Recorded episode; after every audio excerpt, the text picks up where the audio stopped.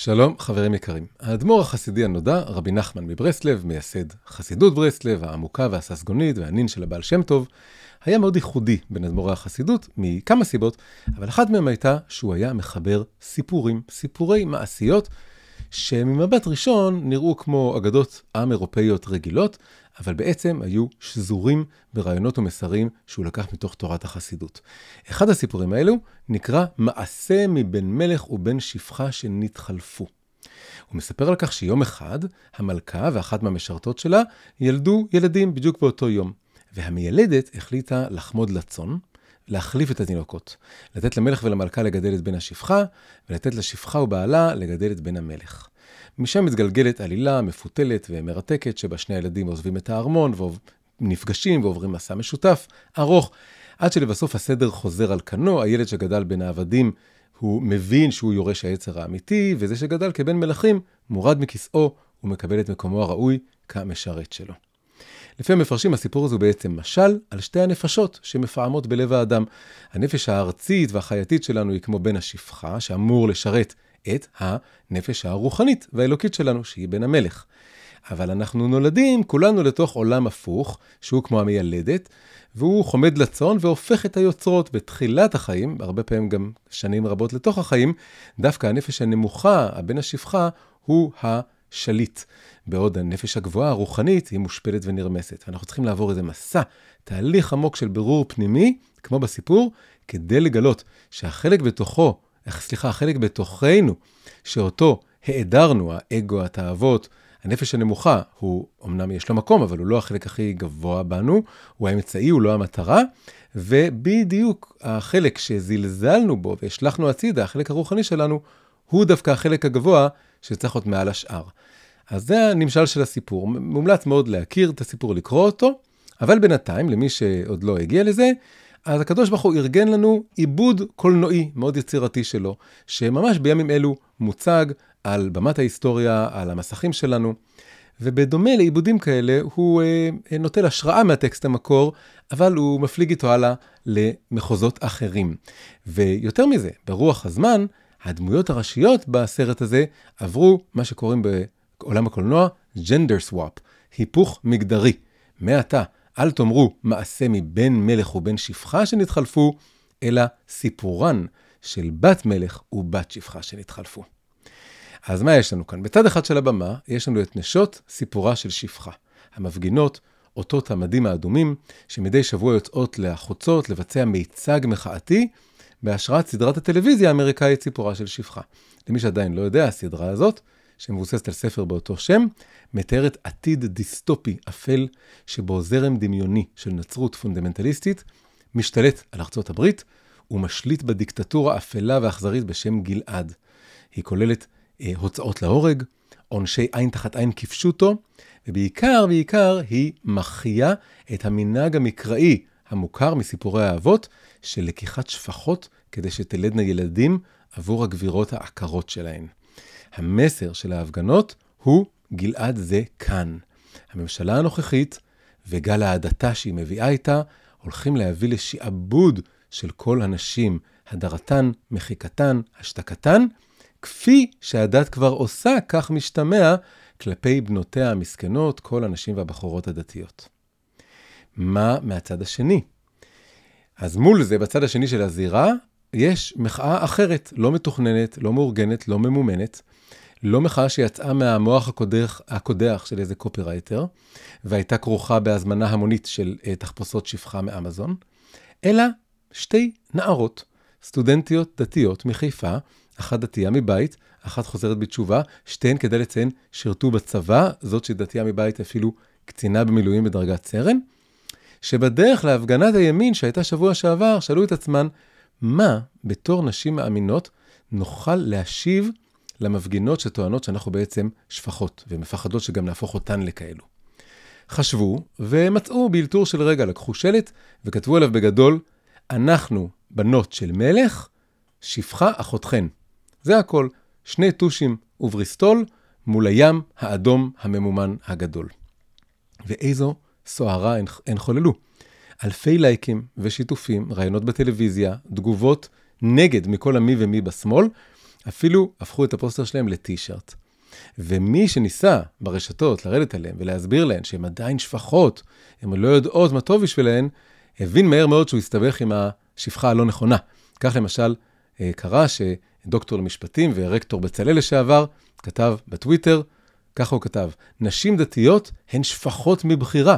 זו לא בחירה חופשית להיות, שיחליט, זו לא בחירה חופשית להיות מכונת הולדה של עשר, של עשרה ילדים, לעמוד תמיד בצד, בנפרד, ללבוש בדיוק מה שהגבר מרשה לך, עם כיסוי ראש להסתרת עצמך, איסור לשיר ובעצם להתבטא בציבור, לפרנס ולהיות עקרת בית. בת מלך, דיכוי והתעללות שבושה שאנו משלימים איתה. על הדברים האלו הגיבה אחת הבנות, זו שניסחה את השלט, והיא בציוץ משל עצמה, והיא כתבה לו ככה, היי, כאן בת של מלך, זאת שכתבה את השלט, דתייה, סטודנטית לתואר ראשון בהנדסת ביוטכנולוגיה בטכניון, אני ואחיותיי הדתיות, גם אלו עם כיסוי הראש, שבוחרות להביא עשרה ילדים, חופשיות יותר מכל אישה שתשהה לצדך, גבר שוביניסט שחושב שהוא יקבע לאישה מהי חירות אמיתית, תתבייש לך. והיו עוד כמה תגובות כאלה, גם מהצד שמבקר, וגם מהצד של הבחורה הזאת שלא לא נשארה חייבת וענתה. נשאלת השאלה, מה קורה פה? מה קורה פה בעומק? ואני אנסה להציע איזה שני רבדים של הסבר. נתחיל מהרובד הראשון והגלוי יותר. ברובד הראשון נחשף כאן בעצם היקף הסטיגמה שיש בחברה החילונית על החברה הדתית, ובפרט על הנשים הדתיות. שילוב של חוסר היכרות עמוק עם העולם הדתי, ניכור עמוק מהמקורות היהודיים, כמובן מחוסר ברירה, פשוט גדלו במוסדות חינוך שלא מלמדים מקורות יהודיים, מפגש עם הדת, שמתרחש כמעט לחלוטין בתיווך התקשורת החילונית, שהיא בהכרח מוטה, כמו כל תקשורת בעולם, אבל היא מוטה נגד העולם הדתי, אז היא לא מאפשרת להכיר אותו בצורה טובה. ובנוסף, כלים פרשניים פשטניים, ובנוסף בלתי מודעים לעצמם, שלא מסוגלים, אין להם יכולת לתפוס מנהגים כמו כיסוי ראש, איסור על שירת נשים לקהל גברי, או ערך של משפחה גדולה, אלא כאמצעים של דיכוי. ובכלל, אפשר להגיד, כלי הפרשנות, כלי הפרשנות האלה נוטים לראות את העולם רק במונחים של כוח, שליטה ודיכוי, חזק, חלש. זה העדשה שדרכה הם מסתכלים על העולם. כל הדברים האלה ביחד התחברו לאיזו מין פריזמה מאוד מאוד מעוותת של האחר, במקרה זה של האחרת, הדתיים. המחשבה שאולי, רק אולי, הסממנים האלו אינם סמלים של דיכוי, אלא הם חלק ממודל אחר של נשיות. מודל שהוא לא דכאני, אלא להפך, מאפשר לצדדים בנשיות להתגלות, צדדים שדווקא התרבות הליברלית והחילונית לא מאפשרת או מקשה עליהם להתגלות. המחשבה הזאת בכלל לא עולה, היא לא מגיעה בתוך הפריזמה הזאת, בתוך ההסתכלות הזאת על העולם הדתי. מי אמר שהפרדה בין גברים ונשים במוסדות החינוך ובבתי התפילה זה בהכרח ותמיד רק דיכוי של האישה?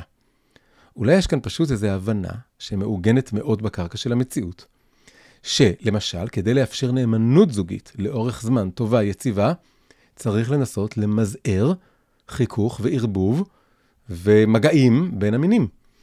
ועוד דבר, שאם רוצים למשל לאפשר העצמה של כל מגדר עם עצמו, העצמה של גברים עם עצמם, נשים עם עצמם, גם צריכות להיות מסגרות כאלו, שהן לא רק אה, שירותים ומקלחות ציבוריים. מי אמר שהתפיסה שלפיה אין ייצוג חזותי בשלטי החוצות של נשים במרחב הציבורי, הוא בהכרח הדרה ומחיקה. אולי, למשל, מחשבה, הוא בא למנוע את הגלישה הבלתי נמנעת להחפצת נשים, שמה לעשות, הן אלו שנמצאות בסכנת החפצה בכל חברה ובכל תקופה.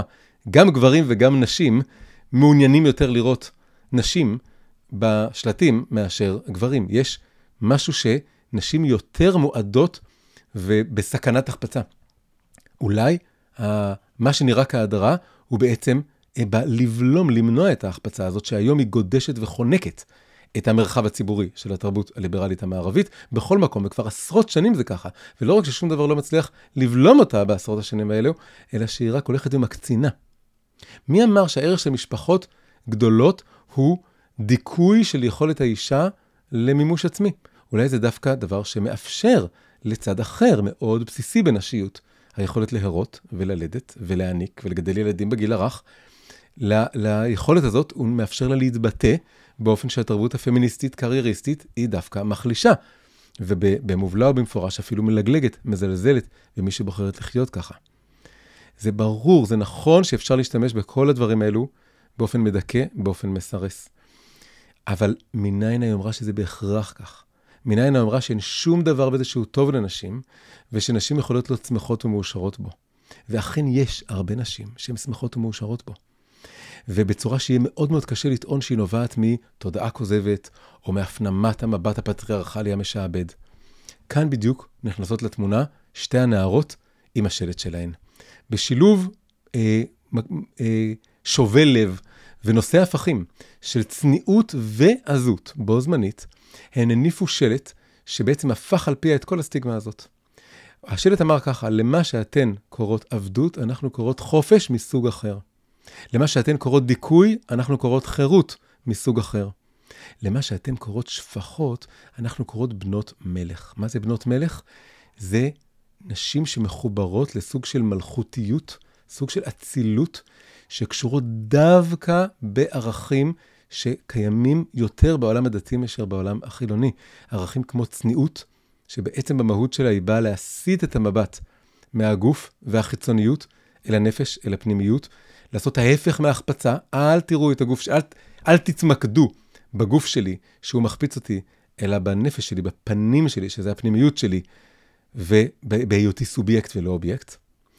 אה, דברים כמו אימהות, שכמו שאמרנו זה מימוש אחר של הנשיות, ודברים שהם כמו מודל אחר של נשיות שהוא לא נלחם עם העבר והמסורת והאמונה, אלא לוקח את כל הדברים האלו ושוזר אותם בעדינות, יחד עם ההזדמנויות החדשות שהעידן המודרני, וכן, גם התנועה הפמיניסטית, פתחו בפני נשים. אני חושב שזה בעצם היה הדבר שהכי היה מבלבל במחאה הזאת של בנות המלך האלה. זה שהן לא היו הקיצוניות ההפוכה ממפגן השפחות. הן לא אמרו שהן דוחות מכל וכול את הערך של עליית מעמד האישה, או של נשים חזקות ודעתניות, שיוצאות ולומדות ומממשות את עצמן. הם בעצם מה שהם אמרו, וזה מה שבלבל, הם אמרו שזה לגמרי יכול להיות גם וגם. שאפשר להיות גם דתייה וגם סטודנטית לביוטכנולוגיה בטכניון. גם מאמינה וגם מפגינה שמשמיעה את הקול שלה. ובאמת צריך לומר שזאת המורשת האמיתית של הנשיות היהודית. הנשים של התנ"ך, נשים רבות באגדות חז"ל, נשים רבות שהולכות ומתרבות עד היום במורשת החסידית וגם מחוץ למזרמים אחרים, שהולכות ומתגלות כרבניות, משפיעות ואפילו מעין אדמו"ריות, וכולל אחת שהייתה ממש אדמו"רית בהיסטוריה של החסידות, יש את זה, הרבנית ציזיה חנה, קבורה בטבריה, יכולים לעשות עליה גוגל, הייתה אדמו"רית מנקבה. כל האנשים האלו, בכל התקופות, חיו שילוב עמוק, מיוחד, נושא הפכים של צניעות ועזות, של מופנאות, מופנמות, סליחה, ויציאה החוצה. כשאומרים כל כבודה בת מלך פנימה, הכוונה היא שבשורש שלה היא מחוברת פנימה, אבל משם היא יכולה וצריכה, בעידן שלנו מעודדים, הרבי מלובביץ' מאוד עודד נשים לצאת החוצה ולהשפיע, מתוך חיבור פנימי אל הפנימיות. וגם שילוב של נאמנות זוגית לבעל ולמשפחה, יחד עם עצמאות מחשבתית.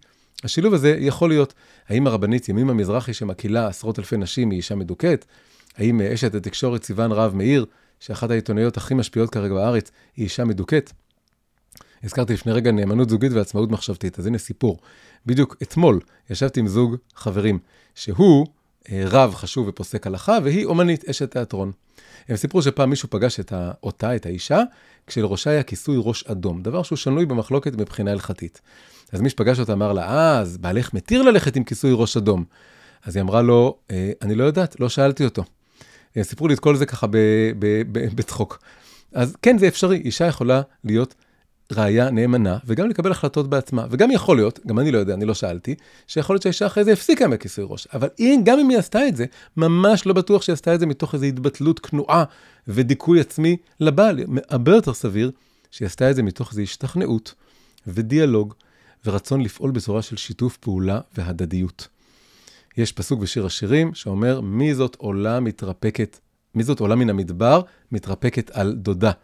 יש מודל של נשיות, שהוא משלב בדיוק את שני חצאי הפסוק הזה, גם עלייה, מי זאת עולה, וגם התרפקות והישענות על בן הזוג. לא רק שזה אפשרי, אלא יש מצב שזה הרבה יותר מאוזן ומתוקן, מהמודל שאנחנו מכירים מהמערב, ששני אינדיבידואלים עצמאיים, שכל אחד עסוק במימוש העצמי שלו, ועכשיו הם, הם בעצם הם מתפשרים כדי לבנות את הזוגיות ביניהם. יכול להיות שהשילוב הזה הוא הרבה יותר, אה, הרבה יותר חזק. יש באמת עלייה של מעמד האישה בעולם, אבל זה דבר שכשהיהדות אה, מקבלת אותו, והוא גם, יש יסודות יהודיים לדבר הזה, עשיתי על זה אה, הרצאות שלמות וגם ספר, מי שמעוניין, אבל אה, בצורה שהיא משולבת עם אה, העולם של המסורת וגם הנשיות המסורתית. עכשיו אני רוצה להוסיף עוד דבר, עוד משהו, עוד רובד בעצם, של הבנה לכל הדבר הזה, עוד יותר עמוק. הדימויים האלו של שפחה ושל בת מלך, של, בואו נרחיב את זה, של עבד ובן, כן?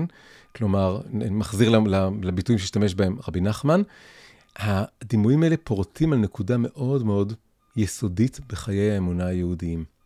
בתפילות של הימים הנוראים אנחנו אומרים, אבינו מלכנו. ואנחנו שרים אם כבנים, אם כעבדים.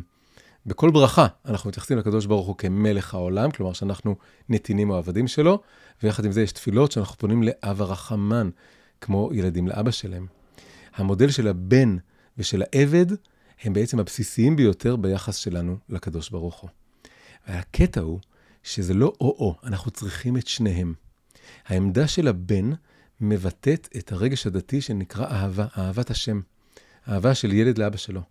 העמדה של העבד מבטאת רגש דתי אחר ומשלים וחשוב ויקר, שנקרא יראה. וצריכים את שני הרגשות האלה גם יחד, לעבודת השם. בחסידות ממשילים את האהבה והיראה לשתי כנפיים. יש כנף ימין, זה כנף האהבה, כנף שמאל, זה כנף היראה, ורק עם שתי הכנפיים האלה ביחד אפשר לפרוח ולעלות למעלה. בעוד אם משתמשים רק באחת מהכנפיים האלה, או רק היראה או רק האהבה, בעצם נעים במעגלים. אז במילים אחרות, מה בעצם יוצא מזה? יוצא מזה שהפגנת בנות המלך, וגם ההפגנה של השפחות, כל אחת מהן, עם כמה שהשנייה כולה עומדת בסימן של התנגדות ליהדות, לתורה, למסורת, בעצם שתיהן ביחד מבטאות צדדים אמיתיים ביהדות, צדדים שמשלימים אחד את השני. באמת אפשר, אני, אני חייב להגיד שהחלק שפחות אהבתי בשלט של הבנות הוא שפחה אחותכן. מצד אחד זה עקיצה חזקה ואני מבין, אבל מצד שני, תיקון שלם של כל התיאטרון האבסורד הזה של ההפגנות, הוא לזהות שיש ניצוץ של קדושה גם בהפגנה של השפחות, כן? בעומק שם. העמדה של עבד ושפחה שנכנעים לרצון עליון מהם, שבעצם מבינים שהם לא, אנחנו לא אדוני העולם, ואנחנו, אין לנו את כל התשובות, ואנחנו זקוקים וצריכים לאיזו השראה וידע והכוונה מלמעלה, זה עמדה של עבד ושפחה, זה חלק אמיתי מהיהדות. הוא פשוט החלק החיצוני של היהדות. היראה, מסבירים שהיראה זה כמו השערים החיצוניים של היהדות, והאהבה זה השערים הפנימיים של היהדות. היראה היא שער לאהבה. אם נשארים רק עם היראה, רק עם הרגש הזה, רק עם הדימוי הזה, נותרים רק בעמדה של עבד ושפחה, אם כעבדים. ו, ובעצם נשארים בחוץ, בחיצוניות של היהדות. זה תקף גם לגבי מי שעובד את השם רק מיראה, וגם לגבי מי שמשקיף עליו וחושב שכל היהדות זה רק חוקים ועבדות וכניעה ויראה. אז, אבל אז זה פשוט החיצוניות, זו הקומה הבסיסית. אבל אם על גביה בונים את הקומה של האהבה, אם כבנים, אבינו, אב הרחמן, מתייחסים לקדוש ברוך הוא כבנים מתוך אהבה, אז מגיעים בעצם ליהדות שלמה ומאוזנת, מתחברים לפנימיות של היהדות. שמעוררת רגש של, אה, של, של אהבה וחיבור וקרבה. ואז באמת אפשר לפרוס את שתי הכנפיים של היהדות, גם כנף ימין, גם כנף שמאל, ובוא נגיד הזיקה כאן, זה שמזכיר את הכנפיים, את האגפים הפוליטיים, זה לא, בוא נגיד לא במקרה, אפשר לפרוס את שתי הכנפיים ולעוף מעלה-מעלה. אז שנזכה לפרוס את הכנפיים שלנו ולעוף מעלה, מעל כל המחלוקות, אל שמיים, שבהם יתגלה שבאמת באמת בעומק אלו ואלו דברי אלוקים חיים.